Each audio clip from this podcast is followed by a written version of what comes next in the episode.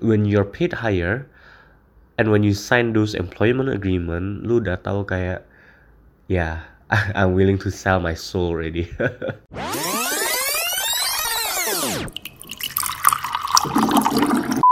Hey, what happened?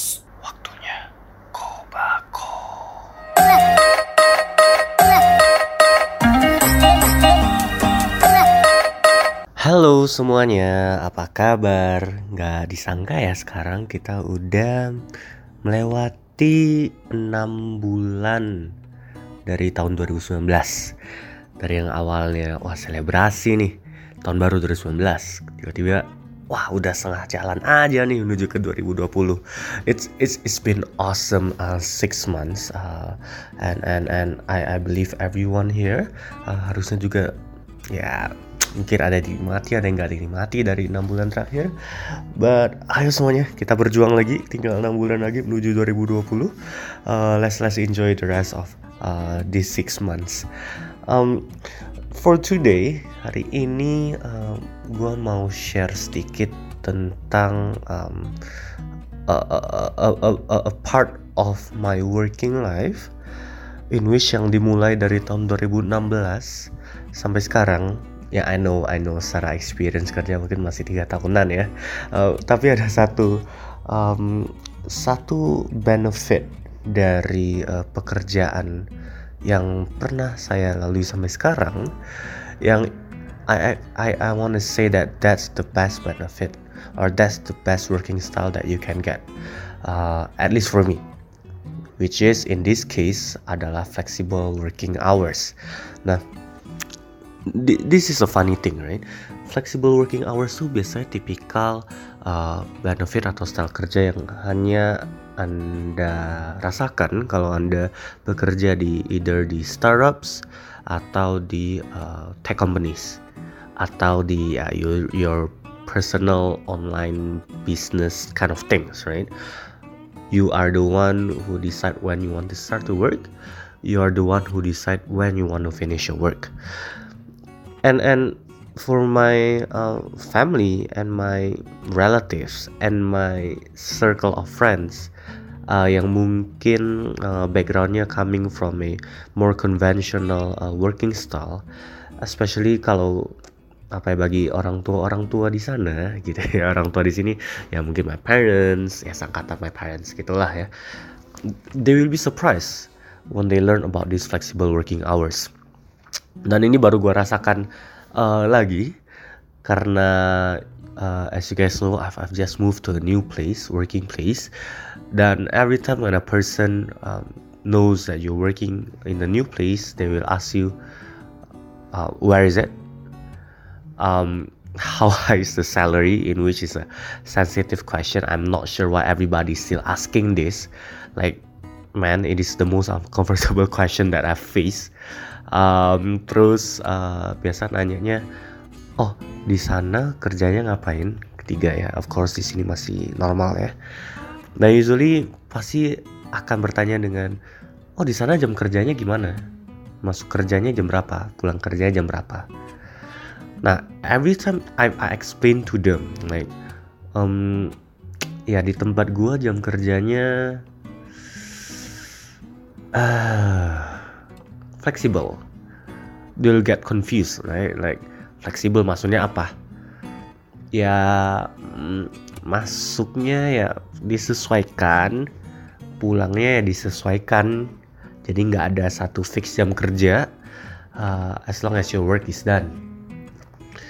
They will get like super confused dan like ini kayak satu fakta yang mereka rasa how is it possible? How will your boss able to judge you? How will your manager able to make sure that you're working? So usually it's difficult right? Jadi uh, as as a example aja kayak kemarin pas uh, you know I I'm living I was living in my um, relatives right here. Um, and then uh, I'm I'm the type that when you go to sleep you need to sleep in a certain uh, within a certain hours. Sorry sorry not within certain hours but for certain amount of hours before i wake up. This case gue itu minimal harus tidur sekitar 8 jam lah 7 sampai 9 jam lah. Let's put it that way. So in, in of course in my first few weeks uh, first one week lah in the new place I need to wake up early uh, and change apa and, and chase the bus and chase the public transportation just because I have early uh, events. Ya biasalah onboarding event hari pertama kerja. Pasti akan ada rentetan acara yang lu harus datang hadirin untuk kenal lebih jauh soal perusahaannya basically onboarding days right? Of course I wake up early right? But then after a week um, then I wake up I woke up like a bit later. Mungkin biasanya diketahui aku bangunnya mungkin jam 7 pagi akhirnya aku bangunnya mungkin baru jam 8 pagi.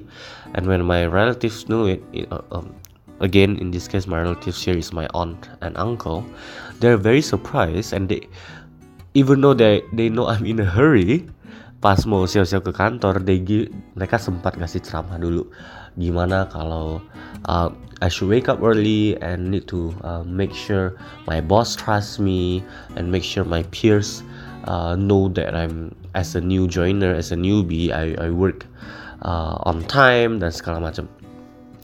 And you know it's it's hard for me to kind of explain to them how it works. Jadi for me it's like yeah it's okay right people get confused when they know that I work in in a flexible working hours usually there are two questions. The first one emang berapa lama jam kerjanya? Kedua ada overtime nggak? Right? Untuk pertanyaan pertama yeah, I usually tell them that yeah, working hours is usually 8 to 9 hours. It can be earlier, it can be later. It depends on how you work. It depends on uh, how how uh, how's your uh, working deadline. It depends on uh, your personal business, right? Personal business di sini maksudnya kalau let's say ada acara tertentu yang harus cabut duluan. Dan this personal business can varies, right? Bisa dari as simple as oh ada appointment sama dokter atau ada appointment sama um, ya your dentist, right? In which mereka pasti workingnya di dalam working hours yang biasanya tutup jam 6 misalnya kayak gitu. Of course you need to go home early just to go to that appointment. Atau misalnya this is common misalnya pas gua tahu ada um, temen-temen yang uh, lagi persiapan priwet jadi mereka harus uh, get back early. Um, atau bahkan as simple as um, when when your friends come visiting and you have an appointment with your friends just for a, social activities or casual activities. And when they learn about that they're very confused like how can your boss or how can your company trust you when they pay you a certain amount of salary each month? They expect you to work till your your death or something, right? And I understand, I understand where this point of view is coming from. It's it's very common, makes sense lah maksudnya. You know, coming from a uh, our our parents working style, di mana biasa perusahaannya itu you need to come at 8 you need to go home at 5 when you go home later then it's common for you to expect an overtime uh, payment right but you know in, in this kind of flexible working hours which is typical of tech company and startups it is already the norm. Jadi kayak udah satu culture gimana ya you get used to it and you don't question it and your company trust you with it right? Terus uh, pertanyaan kedua regarding overtime. No we don't get any overtime. Unless unless if you work in uh, an, an, an, a role yang sifatnya shifting jadi misalnya kadang kan ada pekerjaan misalnya di as a ticketing agent. Um, even though you're working as a ticketing uh, agent in a tech company, di mana mungkin dikenal sebagai you know as I mentioned before flexible working hours, lu tetap uh, dihitung cara kerja shifting. Jadi misalnya ada yang shift uh, subuh sampai siang, siang sampai malam, malam sampai subuh itu lu memang dipekerjakan berdasarkan jam kerja tersebut. Kalau misalnya Anda bekerja lebih dari jam tersebut, berarti Anda dihitungnya overtime. Jika Anda bekerja pas hari libur, itu dihitungnya overtime. In which, uh, as a benefit for you, you'll get more money, dan perhitungannya itu juga lebih tinggi. Karena itu semua udah tercatat dalam um, peraturan, uh, basically uh, uh, working regulations lah, gitu ya. Tapi kalau di luar itu yang sifatnya mungkin for example as an engineer as a product manager as a uh, designer even as a HR person um, in in those companies yang memang mendukung uh, flexible working hours it's common for you to see people that you know uh, they go home later atau sometimes mereka juga begadang gitu ya. Um, then again usually in this kind of companies you're paid in a higher uh, amount of salary comparing to people yang mungkin specifically kerja di jam kerja tertentu atau di corporate working style yang memang ya udah is common for you to work at 8 a.m. go home at 5 p.m. ya when you're paid higher and when you sign those employment agreement lu udah tahu kayak yeah I'm willing to sell my soul already um, but then again right it, there, there's always uh, two point of view of this. Lu bisa pulang lebih cepat dan juga lu bisa di expect tuh pulang lebih lambat. Lu pokoknya di expect tuh kelar sama kerjaan lo right? So um, sometimes uh, my friends or my families they only see the side that oh bisa pulang cepat ya. Oh enaknya masuknya uh, bisa lebih siang ya. Jadi lihatnya lebih enaknya aja nggak dilihat lebih ke nggak enaknya. Misalnya kalau pulangnya lebih larut atau kerjanya ternyata lebih menggila gitu ya. Uh, or some for some of my friends yang mereka juga kadang harus kerja pas weekend atau ya harus terus bergadang lah. They, they didn't see it that way right? And for me atau for my circles atau for friends yang memang tipe kerja kayak gue di company sejenis kayak gue it's, it's really common. We don't kita nggak terlalu perhitungan lah soal gituan. For me this is the best benefit that I can get. As I mentioned before gue tipe yang harus tidur itu minimal ya 8 jam put it that way. Gue masuk kerja itu kalau tidur 8 jam biasanya juga masuk kerjaan juga ya either 8 PM atau 9 PM um, dan to give you an idea bahkan di my previous company gue bisa ke kantor tuh jam 10 atau jam 11 baru nyampe. Ya yeah, I know it's crazy right? But uh, yeah, as long as get my work done right? Ya yeah, of course kalau misalnya ada meeting di pagi gue tentu akan datang di pagi. Tapi kalau nggak ada ya basically why gitu? You know I've come to that point gitu ya. I work and I adjust it based on my biological clock. Jadi gue juga bekerja sesuai dengan when my body want it, right? It's awesome. Ketika selama ini gue kerja nggak ada yang namanya sistem tapping sidik jari di pagi hari untuk absen. Pulang nggak ada sistem sidik jari juga. Karena kalau ada gue yakin gue udah kena penalti berapa kali gue udah potong gaji berapa kali dan bahkan mungkin gue udah nggak ya mungkin udah sempat ada history dipecat atau dilepas ya sama perusahaannya. Hanya karena uh, you know uh, coming late to the office. Nah um, let me share with you this kind of point of view, right? When company saat ini mereka sudah, you know, ya berjalan ke arah sana. Company yang sifatnya startup, company yang sifatnya tech company, yang dikenal sebagai company yang you're you're working in a fast-paced movement. You're you're working in a very hectic environment. You're working in an environment where um, people are expected to do their job well and the company just trusts you with job with your job and how you wanna do it. So see this way right ketika company memberikan kamu kesempatan untuk work in a flexible hours is because the company trusts you and they know they understand that they are working with humans and they understand with they're working with a whole new generations yeah they understand that they are not working mm, with, with generations yang you know yang yang begitu patuh sama peraturan kerja they're working with millennials ya. They're working with generations yang ya yang dikenal sebagai mereka yang mau independen mereka yang mau uh, mengatur uh, jadwal kerja mereka sendiri mereka yang wanna do something that they care about right? If they know they're working with this kind of people tapi mereka masih memaksakan sama namanya jam kerja yang rigid atau yang tertentu. Ketika mereka tahu di luar sana perusahaan sudah gila-gilaan mengejar talent dan ternyata perusahaan di luar sana menyediakan flexible working hours yang tentu saja lebih diingini oleh para kaum-kaum gue ini gitu ya. Of course they'll try to adjust right? Um, but but then again it doesn't happen to all companies bagi perusahaan keluarga, bagi perusahaan yang sifatnya korporat, di mana mereka sudah berdiri sejak berpuluh-puluh tahun lalu, of course it's not easy for them to switch their working culture, right? Apalagi yang sifatnya family uh, company, di mana biasanya ya dikenal mungkin agak lebih konvensional atau agak lebih uh, old style, old school lah bahasanya kayak gitu ya.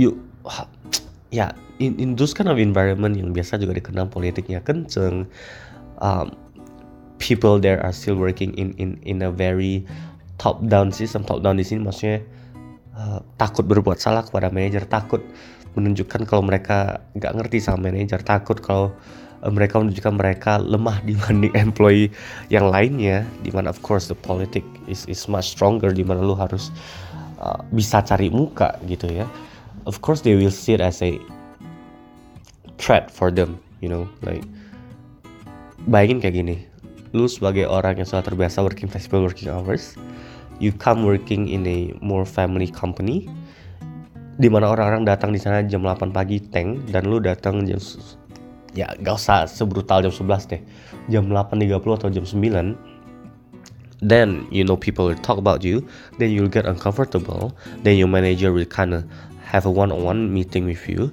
and then you feel that hey maybe it's not the right company anymore because i don't feel comfortable with this kind of environment just because i am not trusted as from as simple as when i can when i start working in the company then of course you'll you'll get super comfortable you get ya lu akan mulai cari kerjaan lain gitu kan.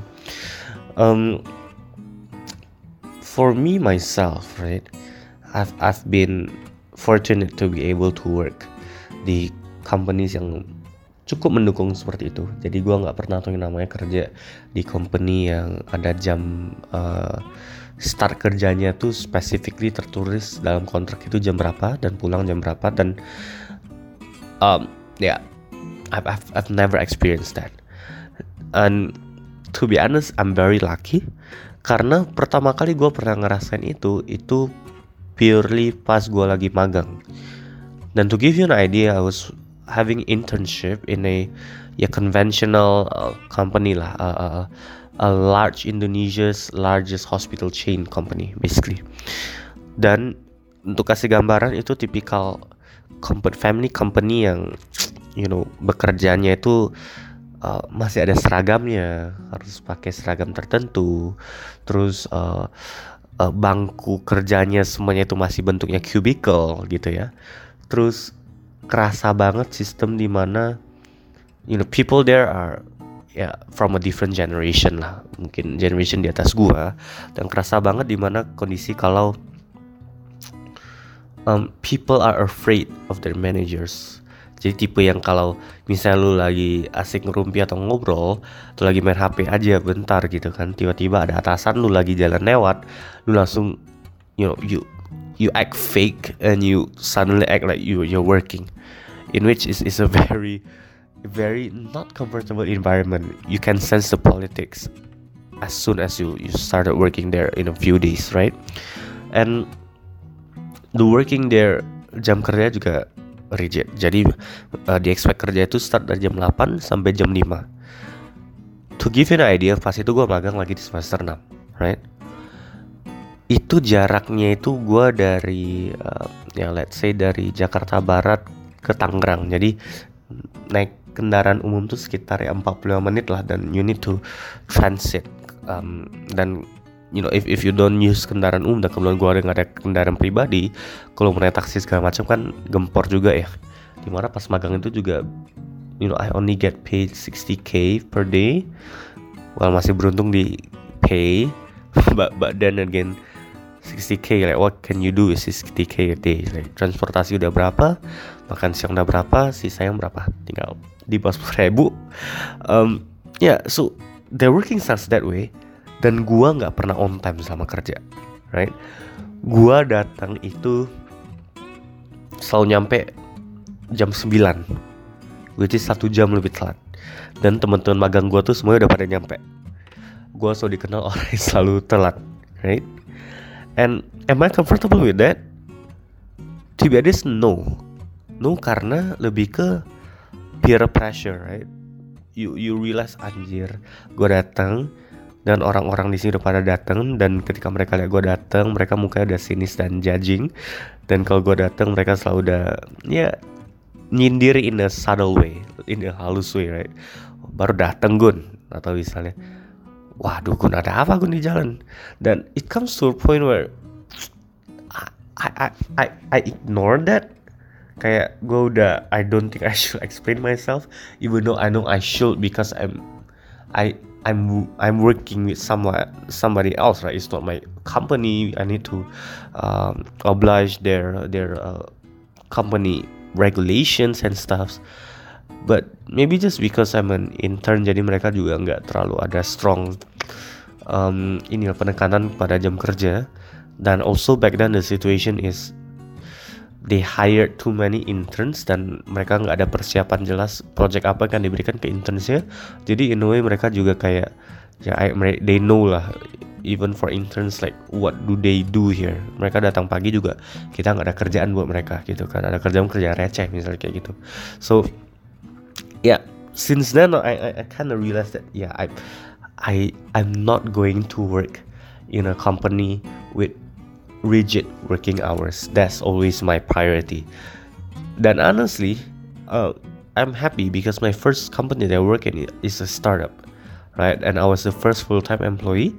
Dan man, kekerja gak gak perlu mikir penampilan, baju terserah, ke um, you know masuknya juga terserah uh, you're working in a in a in a same type of uh, environment di mana people are chill people are all focused in their work but people also know how to have fun and people trust uh, their peers and their colleagues right?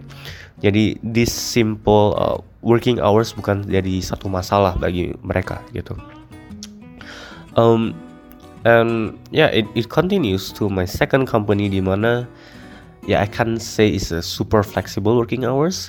In a way kayak lu kayak lu ada terserah misalnya maksudnya jam dari jam 8 atau jam 10 but then again I realized that teman-teman di sana pada udah rame pada jam 9 atau 9.30 jadi I try to adjust lah to that. Meskipun there is no uh, strict uh, regulation lu harus kerja jam berapa dan harus sampai jam berapa right uh, it same goes to my third company. Uh, ya itu yang dari awalnya gue jam 9 bisa sampai jam 10 atau jam 11 baru nyampe kantor. Uh, pulangnya juga lebih fleksibel lebih bisa diatur. Up to my current company which is uh, which is awesome basically. Um, which is the the example of what uh, uh, trust your employee looks like and how working hours doesn't um, is is is a uh, flexible working hours is is a common practice, and employees are um, leveraging that, and they take it as a as a as a as a benefit that help them in their work life uh, balance, right? So yeah, flexible working hours is a you know is is is a is a characteristic, a main characteristic of when a company say they appreciate working life balance, then they must have a flexible working hours. Because it's like a total bullshit. If the company says yeah we appreciate working life hours uh, working life balance uh, but then they don't even trust you with your uh, how you adjust your day to day with your working hours. Like what time you come to work what time you go home right mungkin bagi temen-temen yang sifatnya you know baru lulus and stuff mereka akan ngerasa tapi emang apa sih benefit working uh, working um, flexible working hours ya? Hanya karena ya udah mungkin bantu lu yang gak terbiasa bangun pagi tapi ya udah di luar itu emang apa reason lu gitu. To be honest yes for you tuh yang baru lulus yang mungkin gak gak ada specific responsibility outside your uh, work in which your work is your main life you don't see it as a uh, pure pure reason why you wanna take that. Mungkin hanya karena oh biar bisa gue pas malam uh, nonton bola bergadang sampai pagi atau nonton drama atau nonton Netflix sampai pagi jadi ya ke kantor gue masih bisa tidur lah beberapa jam you know. Mungkin hanya kayak gitu. Tapi bagi orang-orang yang mungkin sudah berkeluarga yang sudah have a married life have their children have their own appointment basically um, usually they they they will fully use this benefit right? I can't really say it's a benefit that they will adjust to this working culture.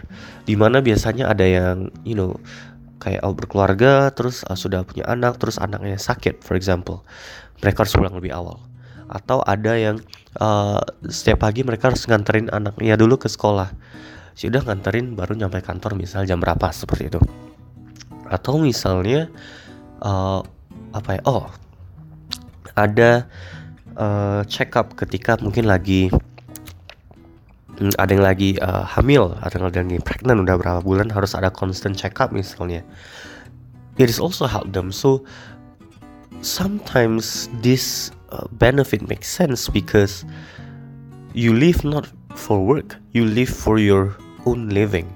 You live for your own family you live for your children you live for your own personal um, circumstances right? And work is just uh, another part of your life in which help you to uh, contribute to the society or to the company you're working at and you get your uh, money from there but then you use your money for your main activity in your life in which in this case is for your health is for your family is for your uh, significant others is for your personal um, hobbies or personal activities gitu kan?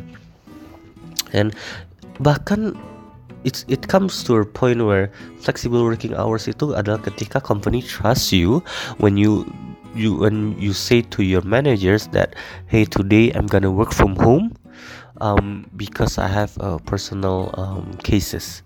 You know that idea of working from home when you tell your parents or you tell your relatives atau when you tell your friends yang terbiasa work in in a in a in a more traditional working hours they'll find it absurd because bagaimana suatu perusahaan atau manager lu bisa percaya sama lu ketika lu bilang you work from home but they can't see what you're doing right? When you work from home you can just um, you know lebih berleha-leha lebih bersantai-santai you know bahkan to focus on your own life that you don't do your work. It is very common. And yes, I'm not gonna say that we are not doing that. For me personally, I sometimes also do that. Maksudnya kayak gue say gue work from home karena mungkin ada certain reasons, personal reasons. Di case gue misalnya gue harus nemenin mama gue di rumah, jadi um, I need to work from home.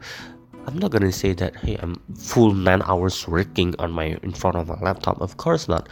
There will be cases where, especially ch- the challenge of working at home is that kadang dipanggil sama emak lu untuk bantu ini bantu itu dan lu nggak bisa konsen kerja di rumah hanya uh, karena lebih berisik atau segala macam or bahkan sometimes you have that urge to kinda tidur atau baring di kasur lu hanya karena kasur lu sedekat itu dari meja kerja lu but then again if you are working in the office and you already feel uncomfortable because you know you are you have a concern ketika di rumah aduh mama tinggal sendiri atau aduh anak gua lagi sakit gimana segala macam you won't be focused on your work as well right? And you'll get panic and then again you'll you won't be able to contribute 100% to your work.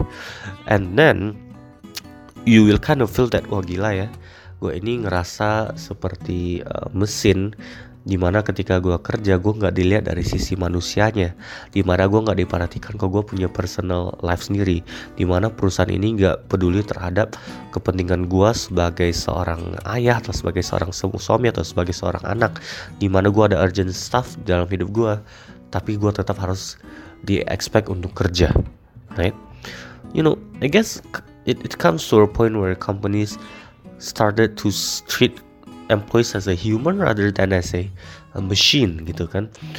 They see that human work uh, there's there's uh, they need to take into account human feeling human emotion and how human uh, behave right? Just because you are a typical uh, manager atau employee yang work you enjoy work a lot that you work 12 hours a day 15 hours a day you can't expect that to your employees right? Because your employees has their own responsibility in work and in family that you can't just push your say uh, per se like gue aja sehari bisa kerja 15 jam kenapa lo nggak bisa?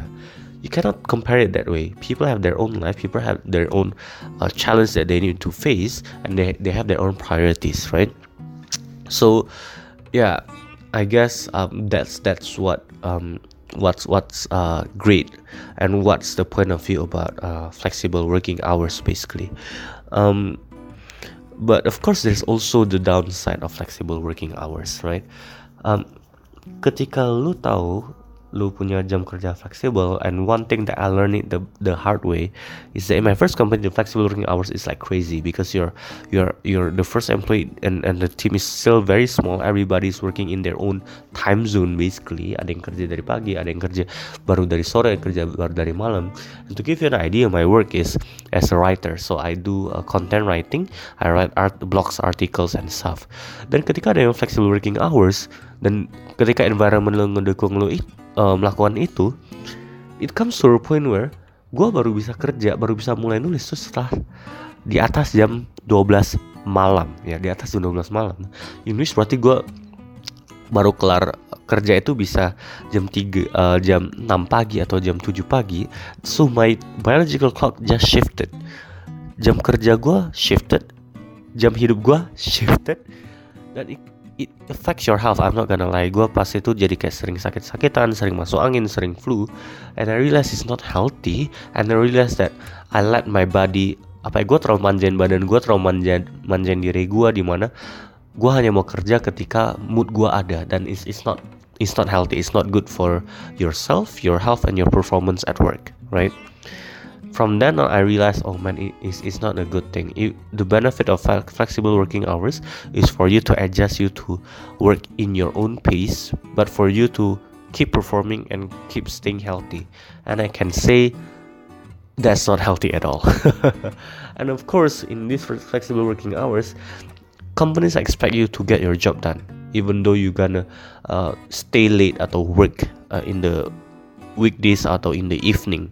Kerja sampai jam 9 malam sampai jam 10 malam. Companies in a way ya doesn't care lah ya. You are the one we give you this working culture. You're the one who's gonna adjust and adapt to this working culture. As long as you get the job done we don't mind. Dan it depends on people's working style right? Kadang ada orang yang memang um, kerja agak lambat jadi mau mereka kerjanya harus lebih lama atau mereka yang memang mendapat ekspektasi kerja mungkin karena posisi atau karena mereka dibayar dengan gaji lebih tinggi mereka memang diekspek kerja untuk kerjanya ternyata 150 sampai 200% dibanding employee pada umumnya. Of course you can say nothing right? You need to work. And you realize that with this kind of culture when you get paid in that high amount you can't really say anything. You need to finish your work gitu kan. And yeah is it healthy for you? I don't know for health mungkin you'll get stressed out. Ketika weekend lu juga harus kerja segala macam lu gak ada personal life gak ada personal time gak ada me time dan ya yeah, it might not be suitable for everyone. Tapi for people yang memang udah passionate kerja yang hidupnya harus lagi kerja and yeah there are these kind of people they will just get comfortable with it and get used to it. They see it as a normal thing right? Um but yeah yeah for me myself I can't do that. Like for me Senin sampai Jumat kerja, we can totally zone out from work. I can't do any more work because I know if I do it, then on Monday I will get very down. Gua nggak akan ngerasa recover. Gua akan ngerasa stress kerjanya itu masih nempel. Dan when you when your stress is piled up day by day dan gak ada waktu break sama sekali untuk lu kinda zone out from your stress of work then it will affect uh, my work performance it will affect my health it will affect my mood and my feeling um, and it's, it's not very good right? So yeah a tips for me for you guys yang mungkin um, apa ya kerja di conventional working hours if you feel like oh it's awesome to work in a flexible working hours yes I can say it's awesome. I can say you feel more as a human. You I can say you feel less as an employee right I can say that you will feel happier because you're able to adjust your time. Tapi mungkin ketika lu baru pindah ke working style seperti itu, lu akan butuh sedikit waktu untuk adapt karena you know coming from a working hours yang lebih spesifik coming from a culture yang jam kerjanya udah lebih fix lu akan have a culture shock lah. Ketika kayak anjir gue harus datang kerja jam berapa nih? Dan agak pagian kok belum ada orang ya? Dan agak siang kok orang udah pada rame? Aduh ini gimana ya? I it, it takes time it takes time to adapt. And for you yang mungkin um, want to look for that try try checking with your company. Ketika lu mulai ngelamar kerja lagi try looking at uh, ya yeah, try asking them like how's their working style how's their working hours and whether it will be a suit for you. Dan bagi teman-teman yang mungkin sudah apa ya baru uh, adjust ke this kind of working hours just make sure that every day you have an agenda of work you need to finish. Just make sure that every day you have a target. For me gue tiap hari harus kelar uh, email gue pokoknya semua harus kebuka. Uh, social uh, company chat uh, internal uh, communication gue kayak Slack atau Hangout atau Skype semua itu harus uh, selesai dibales. Dan ya gue gua set jam kerja sendiri lah. Gue jam kerja 9.30 pulang jam 6 uh, karena gue harus ngejar transportasi umum misalnya. And ya yeah, it will help you it will help you.